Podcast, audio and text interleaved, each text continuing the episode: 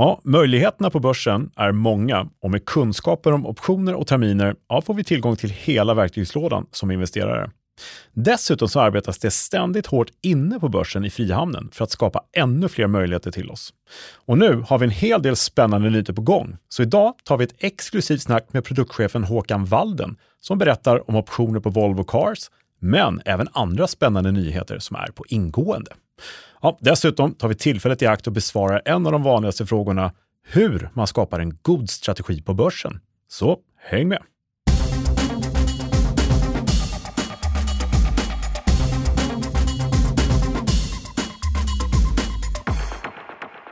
Ja, välkomna till Optionspodden. Podden som ger dig kunskaper som ingen privat eller professionell investerare på börsen bör vara utan, tycker vi. Mitt namn, Kalle Björkegren, står här och mår bra på Smile Studios, väl omhändertagen, tillsammans med Thomas Bernholm från Nasdaq. Välkommen Thomas. Tack så mycket Kalle. Du verkar lite avvaktande när jag säger välkommen till dig. jag satt och väntade på det, stod och väntade på dig bara lite grann. Exakt. Ja, vi står ju och poddar numera sedan några avsnitt tillbaka. Hur känns det till att börja med? Känns jättebra. Mm, det är aktivt här. Ja. Jag kan bara så instämma att vi får ett väldigt trevligt bemötande och omhändertagande här mm. på studion. Ja, precis. Mm. Så man eh, går i podd, eh, poddtankar, då, då är det hit man ska vända sig. Utan tvivel. Det är lite bra att få säga det. Mm. Klokt beslut i så fall. Mm. Hör du, eh, vad betyder Volvo?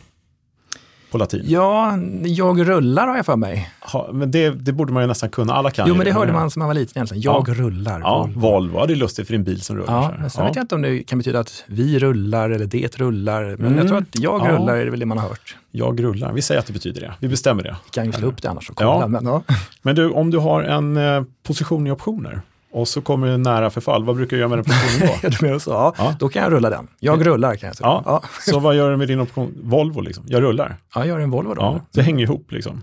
Och Volvo, Volvo, Cars har rullat in på börsen. Mm, ja. Alldeles nyligen. Lite så. Var 29 va? Kan det ha varit ja. Mm. Mm. Tag, dagarna går fort här. Så att man Alldeles nyligen i alla fall. Ja. Mm. Nej, mycket med rullning, men eh, det har varit mycket Volvo Cars förstås eh, på tapeten sista mm. tiden. Och den har väl inte fått den här extremt flygande starten, den fick det första dagarna där, aktien menar jag, som eh, stack iväg första handelsdagarna. Ja, visst, backade tillbaka. Mm. Men eh, vi behöver ju eh, alternativ i en sån fin aktie som kommer till oss, eller hur? Många aktieägare. Mm. Och det har efterfrågats. Och så pass att eh, vi eh, idag ska få lite exklusiva insights om vad som gäller med optionskontrakt i Volvo Cars, eller hur? Mm, lite så. Hoppas på det i alla fall. Ja, vi får väl se. ja, Exakt. Vi får inte lova för mycket, vi Nej, utvärdera sen. Ja, nej, men vi ska få, det, det efterfrågas ju möjligheter på eh, även Volvo Cars med optioner och när möjligheten till det kommer. Mm. Så det ska vi få svar på. Eh, och sen en av de andra vanligaste frågorna som dyker upp här är ju egentligen förutom specifika strategier så är det hur gör man för att skapa en god strategi på börsen eller eh, till sin förvaltning helt enkelt. Mm. Sådär. Mm. Och den frågan får du ganska ofta, eller hur? Ja, eh, vi brukar ju faktiskt påminna om att en av huvudingredienserna för att lyckas, liksom, eh, om du sitter på en fond eller om du sitter på mäklardesk eller tradingdesk, det är att du har en bra framförhållning, en bra plan helt enkelt, en tradingplan. Och se att du har en bra actionplan till den och sådär, delmål och grejer. Vad gör du om det går upp eller ner 2% Så att du är förberedd. Liksom. Mm. Eftersom marknaden väntar ju inte. Och det gäller mm. alltså i allra högsta grad för privatpersoner också, eller hur? Ja, i allra högsta grad, ja. verkligen. Kanske allra mest, eftersom man kommer kanske till ett dukat bord om man börjar jobba på ett fondbolag. Där har man ju fondbestämmelser som redan är spikade mm. sådär. Mm. Men det kan vara svårt när man sitter själv sådär och eh, man vill ju förstås tjäna bra med pengar, få en bra avkastning på sitt sparande. Justera risken. Ja, Visst, och man vill kanske inte drabbas av en nedgång som många varit oroliga för hela det här året. Mm. Och vi har ju täckt ganska mycket av det här.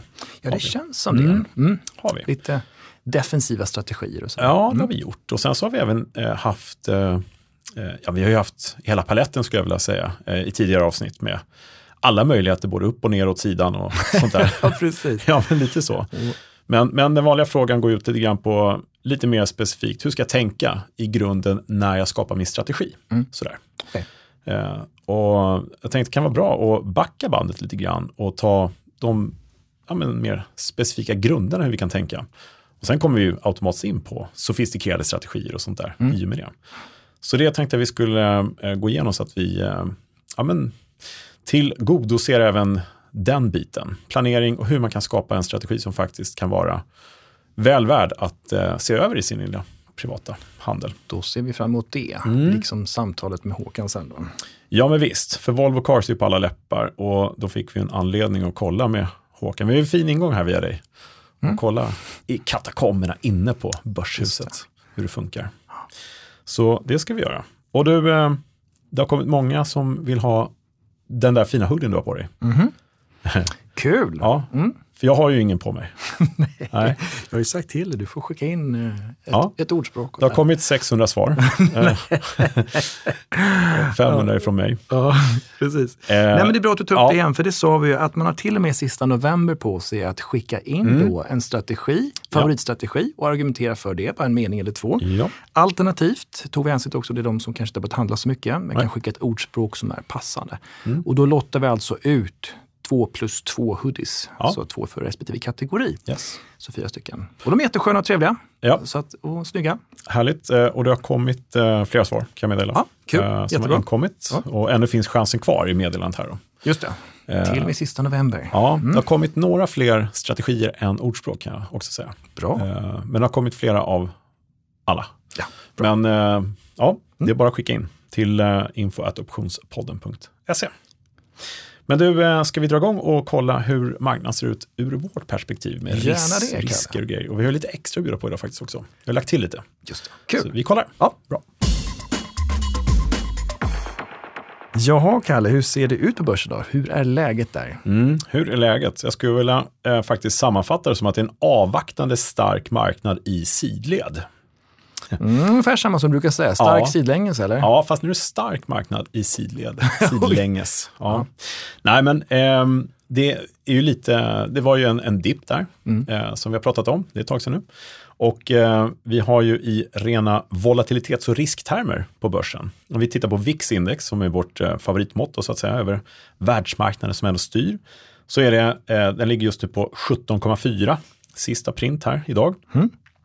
Det är väldigt lågt. Eh, jag skulle säga att det är det lägsta vi har sett på ett par år. Det ligger i de trakterna så pass lågt. Sen corona, när det stack iväg jättemycket initialt där, så har vi sett eh, konstant höga nivåer som har legat åtminstone någonstans mellan 20 och 30. Mm. Och då brukar vi säga att vid 20 är det fortfarande eh, acceptabelt för investerare att ta risk i aktier. Vid 30 börjar man se sig om efter annat och går upp mot 40 då är det, ja, börjar handeln bli irrationell. Och nu har vi låg risk så att i rena volatilitetstermer här så är det attraktivt att äga aktier, helt Just klart. Det. Och det går sidledes här. Mm. Men det är ändå aningen högre än sist vi talades vid här, eller hur? Ja, det är det. Mm. Eh, sist, aningen. Ja, aningen, precis. Sist så var det ju eh, 15, mm. strax under 16 var det. det. Mm. Och då var det ju återigen då verkligen per definition lägsta noteringen på ja, sen 2019. Någonting sånt där. Så det är väldigt låg risk. Ja, skillnaden kanske är försumbar nu. Men ja, det är den ju. Men, så vi är kvar på låga nivåer. Och eh, det blir lite så, efter en väldigt stark marknad hela året, så har vi fått en liten sättning, en liten dipp, eller vad vissa vill kalla det för korrektion. Eh, och då stack ju risken upp lite grann mot 25-nivån där. Någonstans efter sommaren ungefär, eller ja, ska jag säga början på hösten.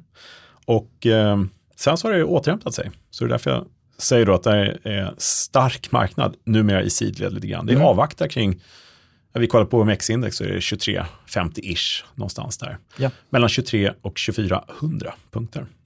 Så eh, inte mycket att säga om det. Det är fortfarande attraktivt här och nu att ta risk i aktier. Och eh, ja, över tid håller det sig så här så är det ju faktiskt en bra och stark attraktiv aktiemarknad. Och då har vi avslutande rapportperiod ska vi säga här också då, som ja, har varit eh, kanske inte överlag jättestarka rapporter, men eh, det har varit inga stora enorma katastrofer och börsen har ju hållit sig som mm. helhet. Mm. Så att, eh, mm, bra betyg bra. till börsen som så. Och hur ser det då ut på SKEW då? Mm.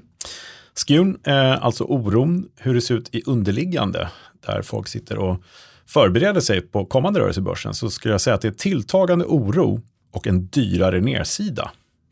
Det betyder helt enkelt att SKEW-index har sen det kom ner då, i den här sättningen, så tappar ju SKEW-index rätt mycket. Det blir billigare i relativa termer på nedsidan mot at the money för att försäkra sin indexportfölj.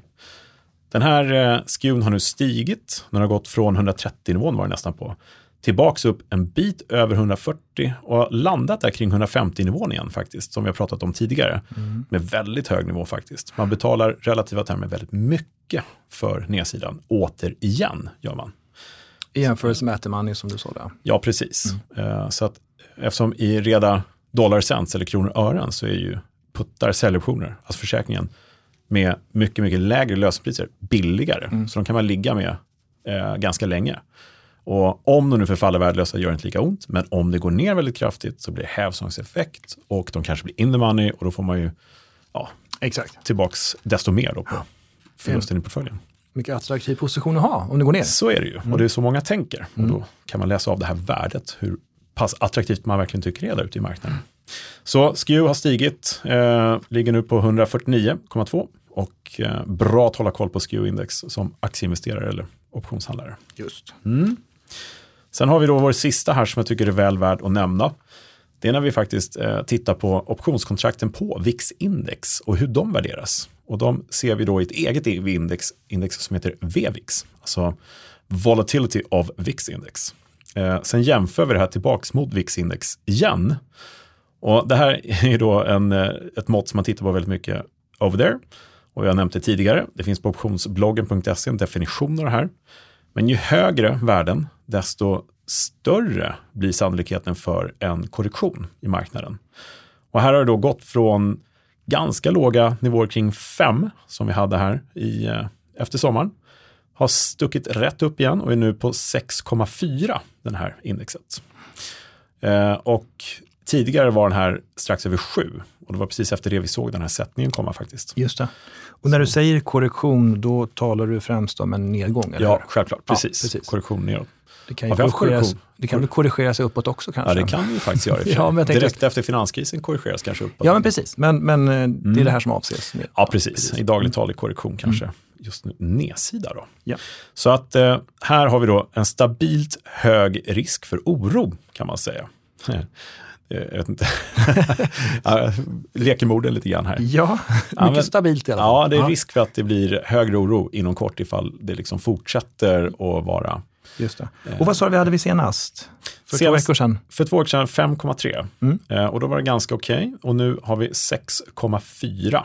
Kan man tycka är inte så hög. Eh, eh, förändring sådär. Men det här är då ett index som går mellan ska säga, 2 och 8 på absoluta low till absoluta high sista åren. Så om vi summerar sen sist i alla fall, då har vi ganska oförändrad VIX. Mm. Ja. Vi har en tilltagande SKEW. Ja. Och så har du ett ökande värde här också. Yes. Ja. Och det här är alltså en VVX. ren ratio mellan VVIX och VIX. Så det är bara att slå upp den. Man mm. kan gå in på optionsbloggen.se och ta fram det så får man lära sig mer. Väldigt bra att ha och det är väldigt många som tittar på det här i USA för att avgöra sina riskbedömningar faktiskt. Bra komplement. Yes, mm. så då har vi koll på marknaden, hur den mår. Bra. Den mår bra, men det är förberett för ja, vad som komma skall och lite oroligt.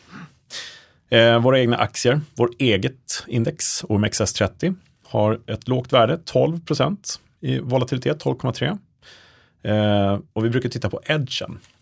Det var faktiskt en fråga jag fick, edgen, förklara edgen. Mm. Och lite snabbt så är det ju bara som så att de senaste 30 dagarna fram till nu, så har vi, och det är verkligen så här enligt papperna, senaste 30 dagarna fram till nu, affärsdagarna, så har eh, OMX-index rört sig 13,8% i historisk volatilitet.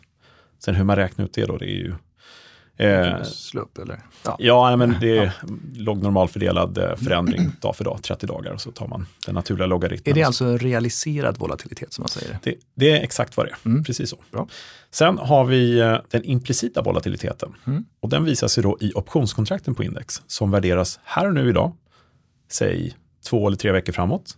De här kontrakten är tre veckor framåt, eh, lite drygt faktiskt. Eh, så där visar det sig att marknaden värderar då indexvolatiliteten som ska komma till 12,3 procent.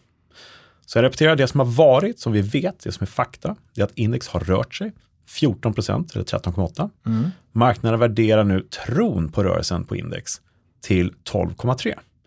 Det ger oss en edge på minus 1,5. Alltså det ska bli minus, alltså lägre risk på börsen enligt vad marknaden tror. Mm. Och det här är då inga sanningar, utan det är bara en spekulation och det är här och nu idag. Men det är en god indikation på att det är lugnare marknad. Man värderar just nu mm. eh, optionskontrakten i framtiden lägre, till lägre risk än vad som har varit. Just det. Mm. Och som du var inne på, många rapporter har ju varit. Just blir kanske lite färre saker att ja. handla på eller förvänta sig som rörelser. Och så. Exakt. Ja. Och som vi också varit inne på, inför rapporter så brukar generellt volatilitetsnivåerna stiga. Mm. Då blir den här edgen oftast positiv. Alltså man tror att det ska bli högre risk framöver. Man prisar upp optioner lite helt ja. enkelt. Man är beredd att betala mer också. Helt naturligt eftersom man vet ju inte vad rapporterna ger. Exakt. Så man tar ut lite risk där. Bra. Sen i övrigt så har vi då alla, där kan vi titta då på alla aktier, aktieoptioner eh, som finns på index. De 30 mest omsatta aktierna. Mm. Och här kan vi då titta på Evolution Gaming brukar vi göra, men även Sinch har ju eh, 64,5 procents implicit volatilitet i sina kontrakt. Ganska dyrt. Det är ganska högt. Mm. Men då har vi en historisk volatilitet på 84 här i en aktie som rör sig jättemycket. Väldigt högt. Ja, och Evolution Gamer har vi pratat om. Den har ju kommit ner sedan tidigare höga nivåer, men ändå högt. Ligger på 37,9. Och en edge på minus 7,7 ändå, för att den har ju rört sig ganska mycket då. Historiskt här på 45 procent drygt. Sen har vi Telia och Tele2 som ligger på 15 respektive 18 implicit. Och det är inte mycket edge att prata om där. Eh, åtminstone inte i Telia. Men här kan man gå in och titta själv på sina innehav eller på de innehav man är intresserad av. Hur ser risken ut? Hur ser marknaden på risken i de här? Mm. Och så kan man göra sin egen bedömning.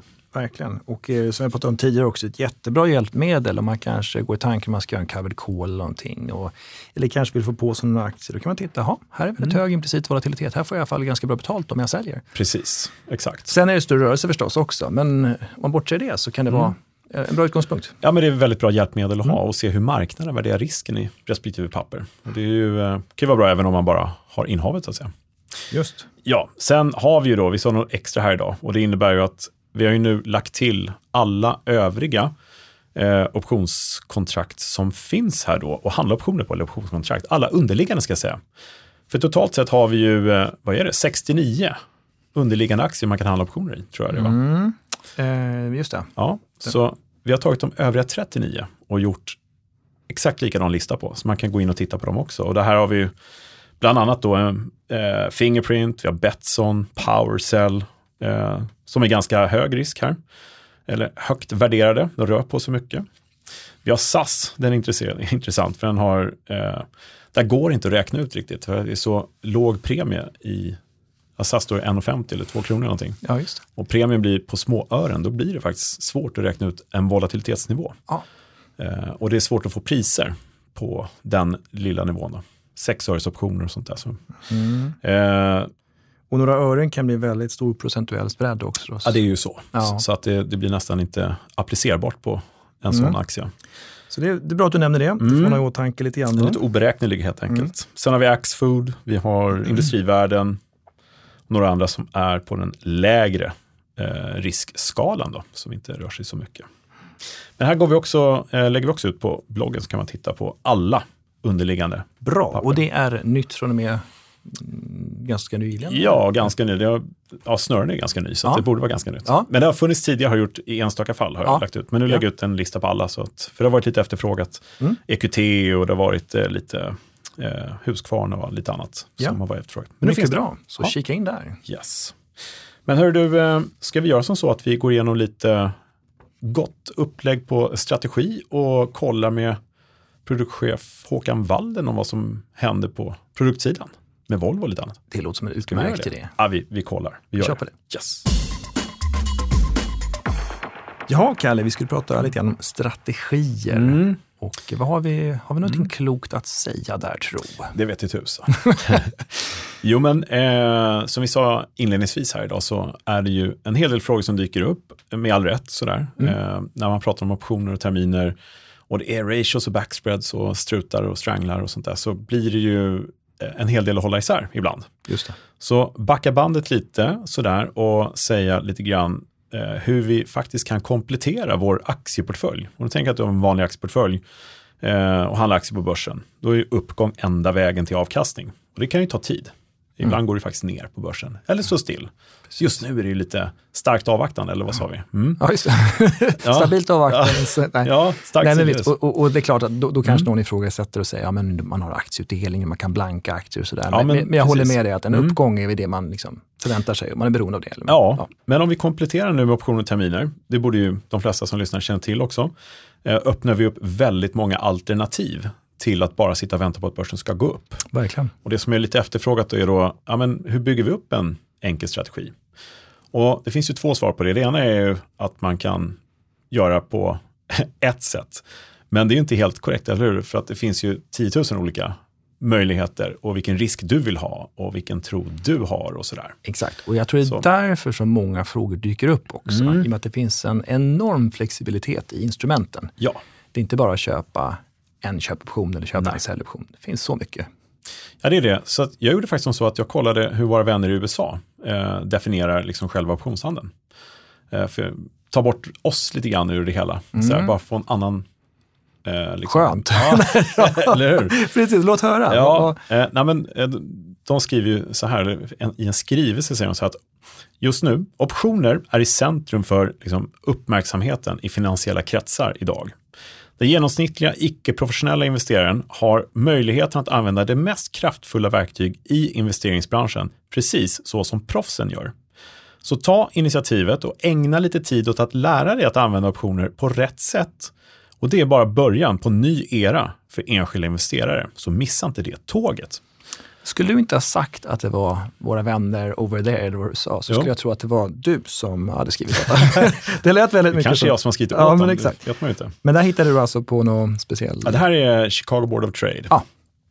Så att, nej, men det, det är väl meckat av optionshandel och sådär. Ja, men det här var ju... eh, början av en ny era vet jag inte. Jag tror att den eran har funnits ganska länge, men så uttrycker de sig i alla fall. Ja, jag kan tänka mig att den nya för, för dig som investerare som inte har Ja, befattat dig med detta. Precis så. Ja. Ja. Och då finns det några huvudpunkter som man ska tänka på. Om man nu eh, resetar alla kunskaper man har fått till sig via oss och så tänker man att man handlar aktier på börsen, har en aktieportfölj. Vad är det man ska tänka på då? Och det första jag ska säga då är kostnadseffektivitet. Och det är bra. Helt enkelt eh, använda lagom mycket pengar av dem som finns på kontot. Till exempel istället för att köpa 100 aktier för 100 kronor styck. Det blir 10 000 kronor du måste lägga åt sidan. Så kan du köpa en köpoption för exakt identisk position, men kanske för 300 spänn Mm. istället för 10 000. Exakt, och jag menar det, det kan ju vara att du köper en kolspread eller vad som. Eller hur? Kan det vara. Ja, Det är ännu billigare. Poängen är verkligen som du säger, Mm. kostnadseffektivitet. Du, lä- du lägger inte ut så mycket pengar. Nej, om vi tänker att vi har vårt konto med pengar, hur använder vi det på bästa sätt? Och vi kan alltså få en identisk position som i en aktie, eh, fast med mycket mindre pengar. Så det är en bra första anledning. Så man ska, det här, nu pratar vi alltså om det vi ska försöka tänka efter i vår strategi över tid. Kan man tänka närmsta året till exempel, hur man ska Just det. tänka, hur man kan tänka. Sen har vi då eh, riskkontroll, alltså minimerad risk över hela portföljspektrat så att säga. Mm. Och det är ju till exempel, man kan ju i all enkelhet sälja terminer mot sin portfölj, har vi pratat om. Köpa en säljoption som skydd mot det enskilda innehavet eller mot sin portfölj. Då har vi kostnadseffektivitet och vi har en bra riskkontroll.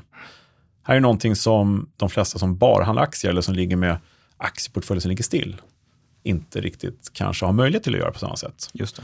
Och det här är ju inte svårt Nej. heller. Och du nämner ju några strategier, men det finns ju såklart jättemånga. Ja. Och du brukar prata om fens och collar till exempel och Yes. alla möjliga saker. Ja, precis.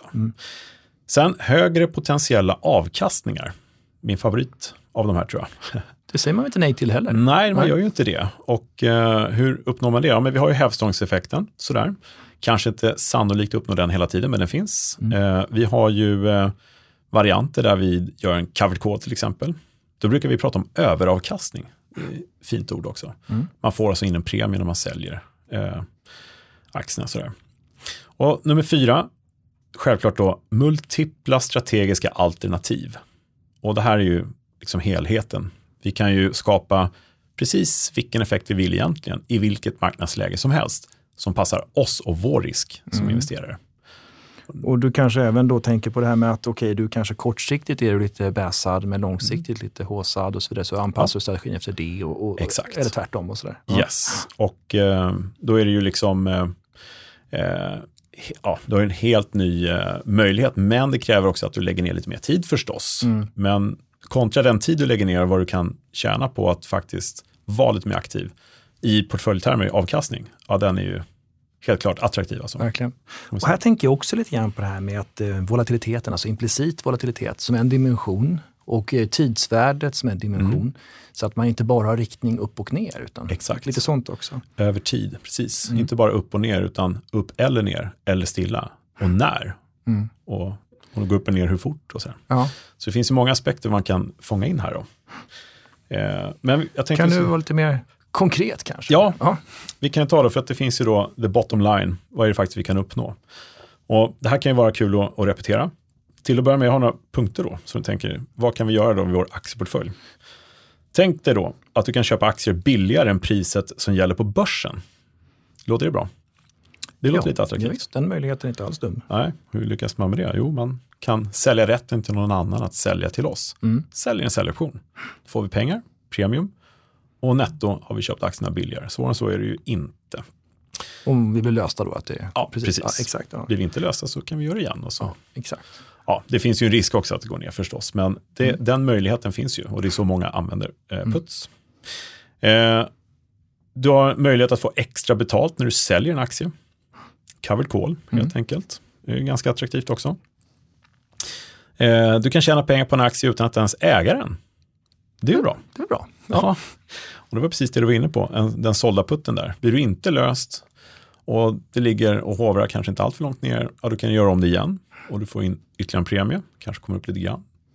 Gör om det igen och så håller du på sådär. Mm. Eh, och det finns ju de som sitter och gör så här hela tiden och professionellt och bara får premium helt enkelt. Då. Precis. Och här ska man ju inte heller förglömma att en- en call-spread, positiv prisspread, är också att du äger inte aktien, Nej. du tjänar pengar på den ändå. Just, så det, Precis.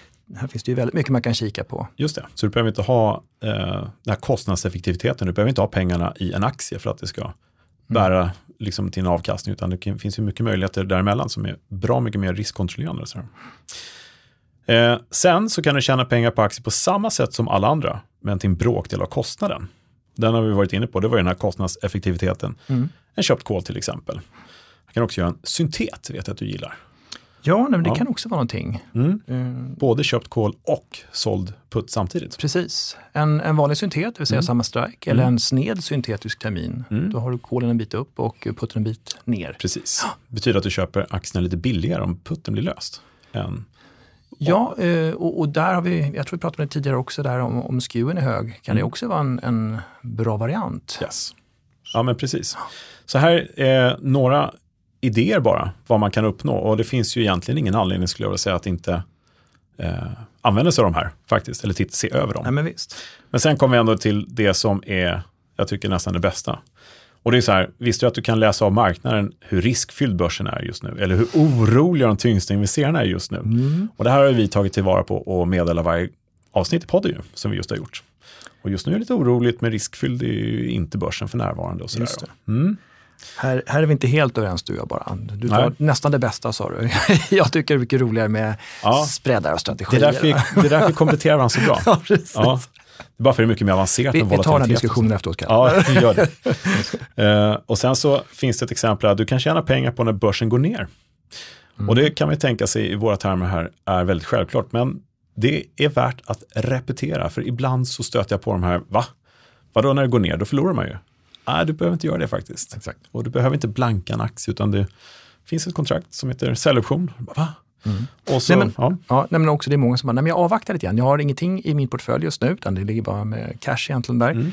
Eh, Jag ska vänta på lite nedgång, sen köper jag. Men har du rätt marknadstro, det vet man inte i förväg kanske, men du har en uppfattning, agera på den lite grann, lite Yes. försiktigt. Ja. kanske du går in och köper en säljoption eller putsbredd eller Mm. ja.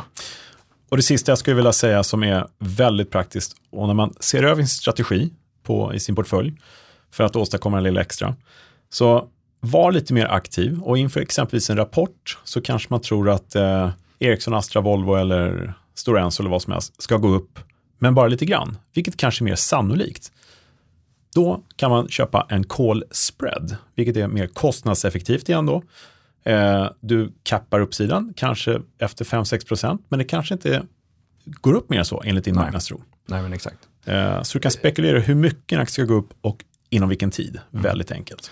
Och där tycker jag man ska faktiskt repetera. Det finns anledning till det. För att många köper kanske en köpoption bara Mm. och tror på en uppgång och så. Men det är som du säger, du tror inte att det ska gå upp hur mycket som helst. Nej. Och varför köpa den uppsidan? Du kan ge bort den till någon annan och få betalt för det. Exakt.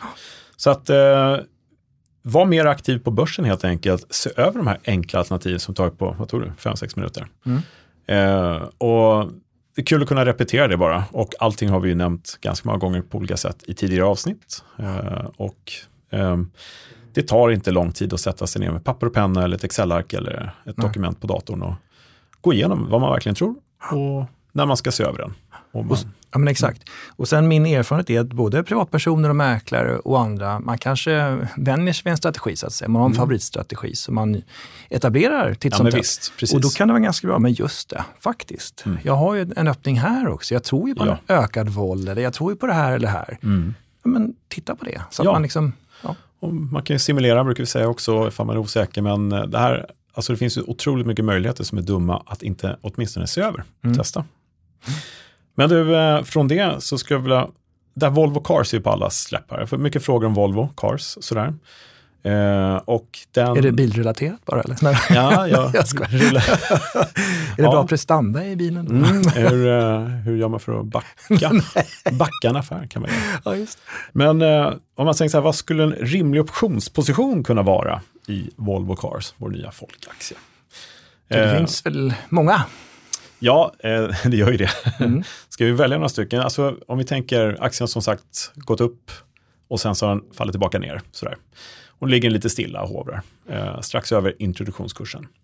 Kanske en covered call skulle kunna vara en idé Mm. bland många. Den, den kanske vanligaste optionsstrategin. Sådär. Sälja rätten till någon annan och köpa vår aktie. Kan man ju Få in lite premie. Det Precis. ligger still, lite lätt uppåtgående kanske, för de som tror det.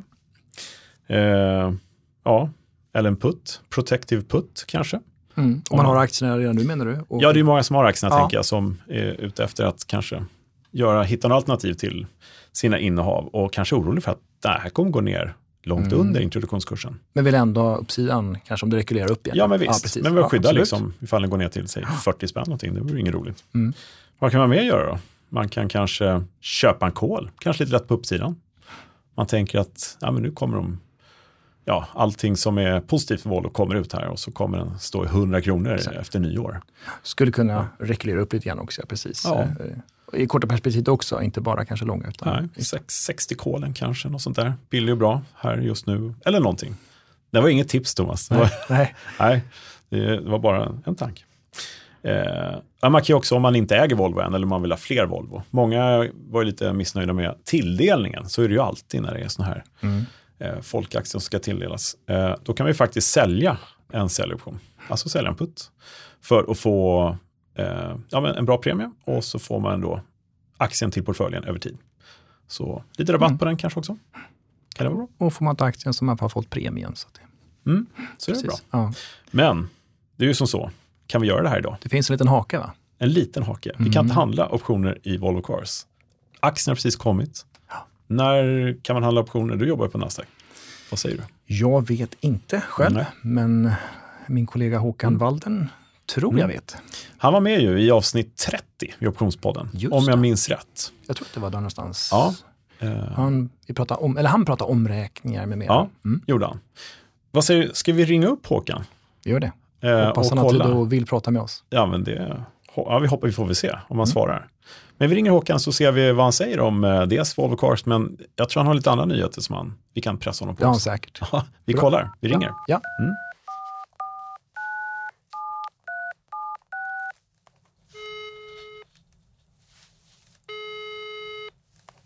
Håkan Wallen.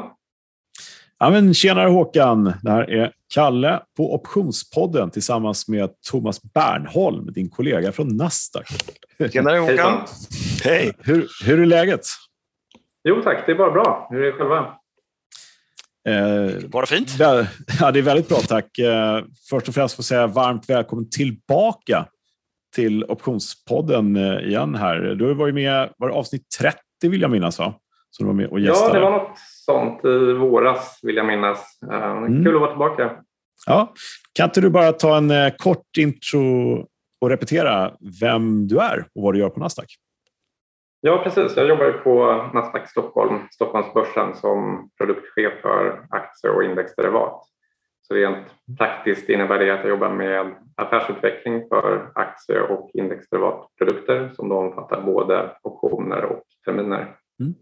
Ja, Håkan, men eh, du, du kan väl kanske berätta lite grann om intresset nu, vad som har hänt här på senaste tiden, kanske intresset för optioner och så. Har du sett någon förändring i trender och så?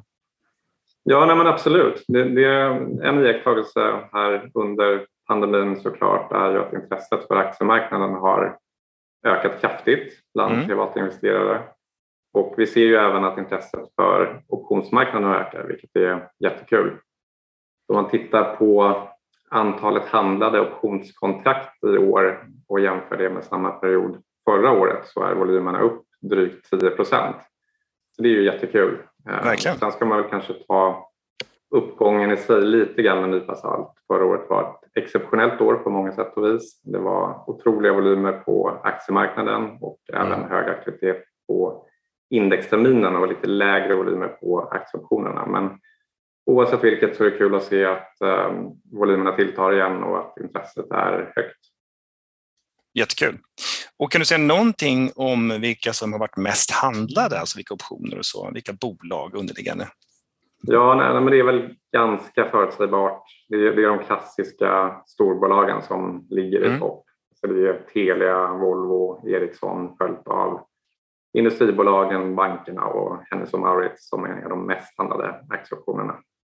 Ja, ja tackar. Härligt Håkan. Vad, vad händer mer på din desk så att säga eh, med omräkningar och sånt som du sysslar med? Vad är fokus just nu hos dig? Som Ja, det som jag skulle säga är mest relevant just nu eh, generellt sett är ju hanteringen av ordinarie utdelningar som har hållits inne under pandemin. Det har funnits riktlinjer utifrån ECB och även lokalt från Finansinspektionen att finansiella aktörer ska hålla inne delar av sina ordinarie utdelningar under 2020 och ända fram till hösten 2021. Så nu när de här rekommendationerna släpptes så är det såklart viktigt att bolagen är väldigt tydliga i sin kommunikation kring utdelningar som återupptas och att även vi som börs är transparenta med hur vi hanterar de här utdelningarna från ett justeringsperspektiv. Mm. Ja, viktigt. Eh, Verkligen. Det, fin det, finns att göra hela tiden med andra ord för dig på desken där. Ja. Eh, jag tänkte vi skulle gå in direkt faktiskt på Volvo Cars. Det är många som pratar om Volvo Cars eh, sen noteringen här. Eh, en riktig folkaktie. Sådär. Hur tänker eh, du och de kring dig där när en aktie av det här slaget noteras på, på börsen? Hur, eh, hur ser arbetsbördan ut då när det blir ett stort intresse? Det, det är såklart jätteroligt när den här typen av bolag kommer till börsen, både sett till storleken och kännedomen bland investerarna Uh, om jag inte är felinformerad så är det den största IPOn på Stockholmsbörsen sedan Telia noterades år 2000. Så det, det, är inte mm. så ofta den här typen av bolag kommer till börsen. Nej. Och sen sett från, från mitt perspektiv då här på derivatsidan så är vi såklart angelägna om att få upp handeln i optioner så snart som möjligt efter IPOn. Det låter jättebra. Sen, sen är ju. Volvo Cars naturligtvis, det är ju en folkaktie som du, som du nämner, en, en väldigt välkänt bolag. Eh, mm. Jag däremot är minst lika entusiastisk när det kommer in andra typer av noteringar. Jag eh, minns om året när iSettle skulle noteras på börsen. Eh, men just i det fallet så blev ju iSettle uppköpt av en, ett stort amerikanskt bolag strax innan noteringsdatumet. Men, men det är såklart jätteroligt när, när den här typen av bolag kommer in. Mm. Det är roligt. Och finns det någon eh, indikation? Det är många som frågar ju förstås eh, när man kan börja handla optionskontrakt i Volvo Cars. Det är många nya aktieägare, så vad kan du säga om det? Ja, nej men absolut. Vi har inte satt exakt datum för start av handel i optionerna på Volvo Cars. Det kommer ske i slutet av november och det exakta mm. datumet kommer att kommuniceras ut i ett marknadsmeddelande inom de närmaste dagarna. Mm. Um, så där, och vi kommer ha löptider upp till 24 månader vid introduktionen eh, och det kommer som sagt inom, inom någon vecka här. Ja.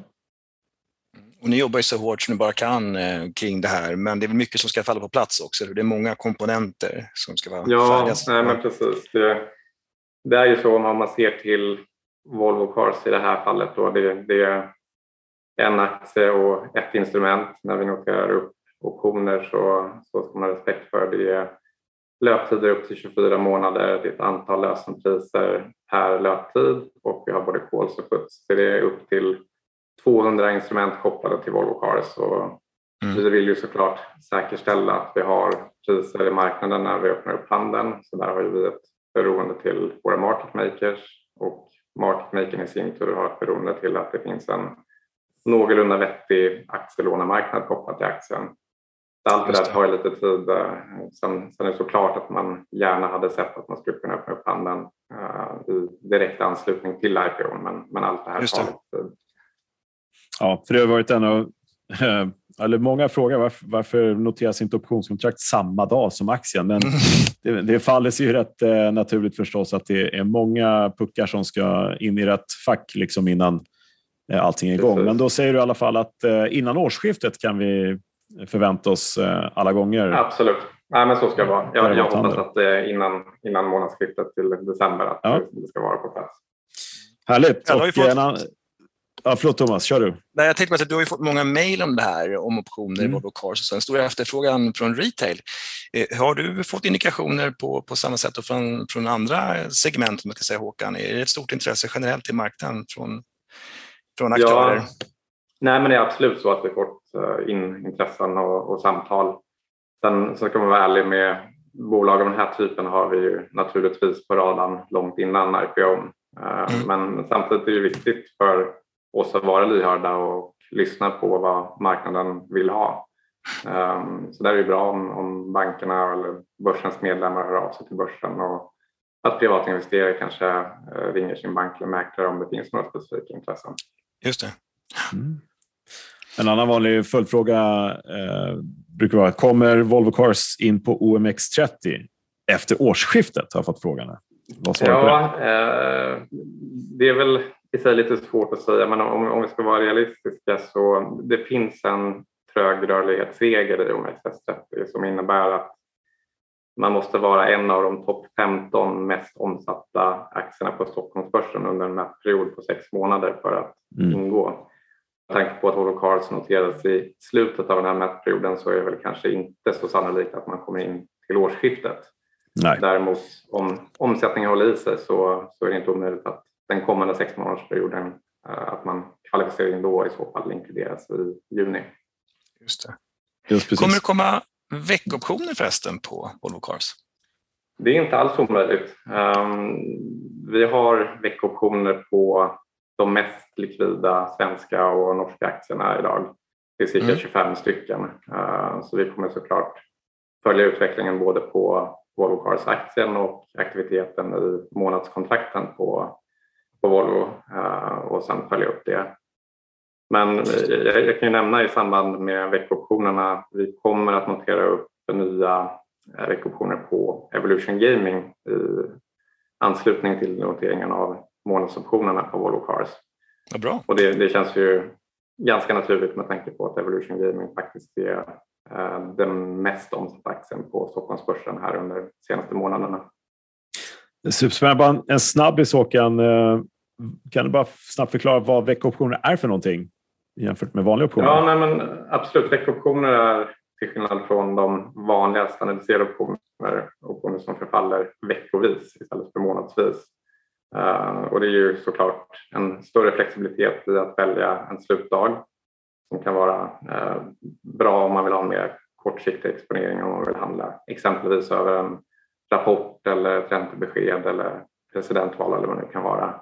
Mm. Det är ju så att med, med en kortare löptid, ni har säkert varit inne på det och pratat om det, så är det ju mindre tidsvärde inbakat i optionen vilket innebär att det är en lägre premie, så det är billigare option helt enkelt. Just det. Hur känner man igen veckoptionerna i kontraktet? Det är specifikt där va? Ja, nej, men det finns i serienamnsbeteckningen så, så är det kanske inte helt logiskt, men det är ett Y eh, som är Yngve som, som indikeras eh, att det är en veckoption. Så om man ser ett Y mellan månadsbeteckningen och lösenpriset så, så vet man att det är en veckoption. Mm. Just det. Nej, jättebra. Veckoptioner är superpraktiska, verkligen. Man sparar mycket tidsvärde för, precis som du säger, med eh, såna här corporate events, rapporter eller vad det kan vara. Eh, Jag tycker det känns kanske extra bra här i Evolution också som är en ganska dyr aktie. Som, det blir ganska höga premier i kronor sett. Ja. Även implicit volatilitetsmässigt sett förstås. Då. Men då är det ganska bra att kunna komma in lite billigare kanske. Man vill ja. köra en kortare spekulation kanske. Det är lite glada nyheter, lite breaking news faktiskt i Optionspodden. Ja, vi kommer veckoptioner till eh, Evolution Gaming. Du, Håkan, ja, finns, det, finns det planer på veckoptioner i ännu fler underliggande kanske, som du kan berätta om?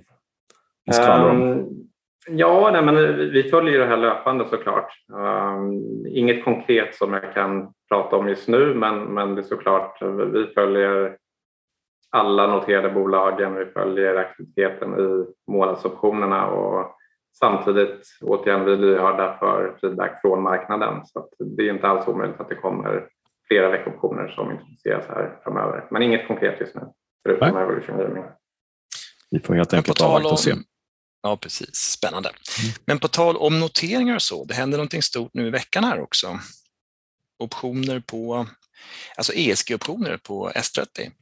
Ja, exakt. I måndags faktiskt så startade vi upp handeln i optioner på OMXS30 ESG-indexet.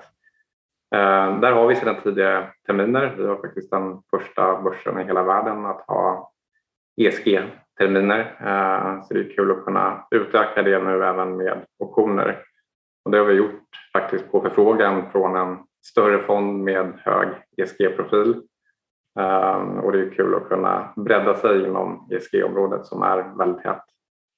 Eh, för de som inte vet vad OMX S30 ESG-indexet är så är det en fullt ut eh, samma version som OMX S30-indexet men det är screenat på olika ESG-kriterier där man som bolag då måste kvala in på de kriterierna för att ingå. Eh, och här idag så är det Evolution Gaming och Swedish Match som utgår i ESG-versioner på grund av verksamheter inom gaming och tobak. Just det. Och ESG står ju för Environmental Social Governance. Mm. Ja. Vad härligt. Det händer grejer hos dig alltså Håkan. Det är jättekul att höra. Eh, att det, ja, i katakomberna, bakom kulisserna, så arbetas det hårt för att vi ska få ännu fler möjligheter till vår handel på börsen helt enkelt. Och det uppskattar vi ju. Så vi ska inte störa dig mer än så egentligen. Eh, är det något mer du vill eh, fråga Thomas? Till Håkan? Nej, det är det inte, utan det får jag ta Nej. på jobbet sen kanske och fylla på vart efter här. Men jag får tacka ja. så mycket, eller vi får tacka så mycket Håkan, för ett ja, bra, absolut. informativt och trevligt samtal. Ja, men verkligen. Ja, men tack själva. Tack alla. Tack ja. Thomas. Uh, ja, men vi återkommer säkert till dig. Det är mycket spännande som händer, så vi skulle kunna berätta mycket, mycket mer. Men uh, när det händer grejer av händelser, då återkommer vi med glädje. Men stort tack för idag Håkan, så hörs vi av längre fram. Tack så länge. Tack så mycket. Tack så mycket. Tack. Hej. Ja, som vanligt, alltid trevligt och intressant att mm. prata med Håkan. Ja, som vanligt och kul att han återkom också till podden som eh, återkommande gäst. Mm. Det blir säkert fler tillfällen, känner jag på mig. Det tror jag. Men eh, vi har lite frågor också från våra kära lyssnare, mm. eh, som vi brukar ta upp några stycken då här. Eh, och Kevin har frågat så här, mitt optionskontrakt har räknats om eh, och vad innebär det för mig? Och då tror jag att Kevin menar här, behöver jag göra någonting eller kommer någonting i pengar, kronor och ören ändras?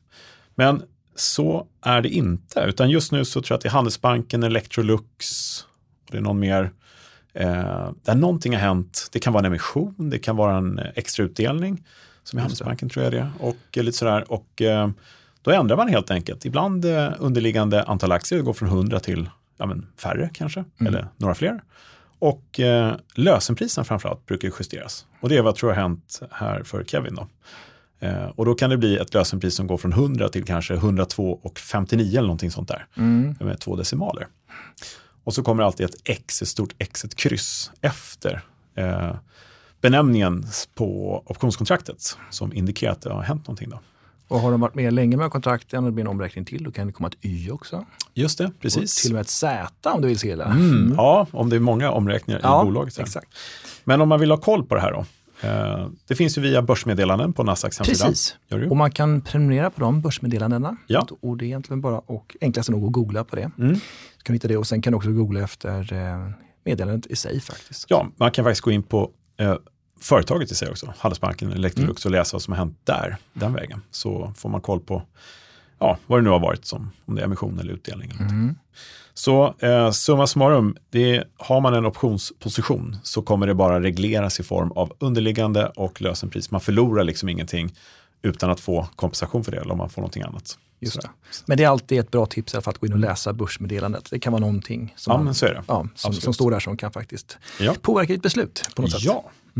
Sen har Petra ställt en fråga här som vi får ibland faktiskt. Och det är, jag upplever att det kan vara svårt att handla flera kontrakt samtidigt när jag ska göra en strategi i optionshandeln. Då. Något tips? Frågetecken. Och det här misstänker jag är execution risk.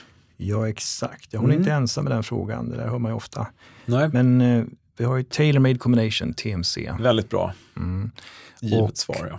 Men som det ser ut nu så får man ringa eh, ett mäklarbord helt enkelt. Mäklarbord och Lite snabbt, vad är tailor-made combination? Då? helt enkelt att du kan exekvera flera olika optionsben samtidigt, upp till fyra stycken. Just det. Så, precis som vi är på, man får ingen execution risk. Så det är väldigt smidigt och får ofta lite bättre priser faktiskt. Mm. Så om Petra vill göra en spread här, säg två eller tre kontrakt, så kan Mm. hon räkna ut sitt nettopris hon vill göra hela paketet på och lägga in det priset till sin mäklare som lägger in det i en så kallad TMC. Just det. Sen när förutsättningarna finns där, eller någon market maker ställer priserna emot så att det funkar, då får hon hela paketet på en gång så att säga. Mm. Hela strategin. Mycket smidigt. Ja, TMC alltså. Ja, och mäklaren i fråga kan ju förstås ringa eh, en market maker Mm. och kanske ha det i huset, annars ringer man Interbank. Du kan ringa EB på börsen också. va? Exakt, det ska jag också komma till. Mm. Ja. Exchange brokers, Skönt att vara för dig. Ja. Ja. Så det kan man göra, absolut. Få hjälp. Vad bra. Eh, hoppas det svaret var, väldigt, väldigt heltäckande svar. Tycker jag. Eh, Oskar har frågat, jag har sålt en putt i Ericsson B, men jag vill ändra lösenpris. Hur gör jag det? Mm. Talar du inte om Volvo precis? va? Jag rullar va? Rullar. Ja, Mm. men precis. Så det är väl Eh, det ja, han tänker på va? det antar jag. Eh, och det är ju förstås då, det kan, man kan ju rulla när som helst egentligen. Mm. Det är helt enkelt, eh, du får köpa tillbaka din putt i Ericsson och så sälja ett nytt kontrakt med det lösenpris som du vill ha. Mm. Och kanske en annan månad och, och Ja, sådär. det är ju så man gör. Mm. Eh, förutsättningarna ändras ju hela tiden i marknaden. Då rullar man eller justerar sina kontrakt på det sättet. Man köper, säljer tillbaka och sen så gör man ett nytt kontrakt igen. Ja. Så det är så. Bra. Det var ju bra. Lätta, eh, eller lätta, jag ska säga. det finns inga dumma frågor men skönt att det finns raka svar. Ibland är det inte alltid helt lätt faktiskt. Nej. Nej. Vad bra, Nej, men du, vi sammanfattar dagens eh, avsnitt lite grann. Vi har haft lite strategisnack, eh, lite i backa bandet, hur vi kan tänka när vi ska skapa en god strategi på börsen. Och där som Eh. du också var inne på, du hänvisar till tidigare eh, episoder, avsnitt. Eh, Ja, precis. Titta på listan och se vad som passar. Ja, optionspodden.se Mm. kan man gå in på om man inte har något annat favoritpoddprogram som Optionspodden finns på. Eh, fint samtal, bra samtal med eh, Håkan igen, produktchef på Nasdaq. Och vi har ju allt som avslutning här, ett ordspråk. Idag har jag fått ett på engelska inskickat från Robert. Robert G. Han säger så här, eller den som säger så här, var, In trading you have to be defensive and aggressive at the same time. If you're not aggressive, you are not going to make any money. And if you're not defensive, you're not going to keep it. Mm. Det hade jag inte hört förut, mycket klokt. Eller hur? Ja. Ray Dalio, vet du vem han var? Eh, nej. Han är en av de här som har världens mest framgångsrika hedgefonder, tror jag. Okej. En hedgefondsförvaltare, väldigt, Mm. väldigt framgångsrik. Klok, slipad, bra idéer och tankar och Mm. bra citat också. Tack Tack för det. Robert. Eh, lite skapa strategi med flera möjligheter är aldrig dumt. Nej. För det kan vi åstadkomma här ju. Behöver vara både defensiv och aggressiv samtidigt. Då har kommit rätt. Eh, du, till sist då, Nasdaq Hoodin. Hur gör jag för att få en? Ja, det var det. Ange eh, din favoritstrategi, motivera den med någon mening. Mm. Alternativt skicka in ett citat eller ordspråk, Ja. gärna med anknytning till finans. Men är det supervackert och fint annars så kanske vi kan liksom godkänna då. De två alternativen. Ja, man ska skärma dig helt enkelt. Ja, jag är inte en väldig domare här utan Nej, men du har mycket power i det här. Det är dina, det är dina hoodies ändå. ja, Nasdaq. Ja, men Ja, visst. ja, ja, ja. nej, absolut. Mm. Så det får ni gärna göra. Och du sa adressen var? Info at optionspodden.se. Mm.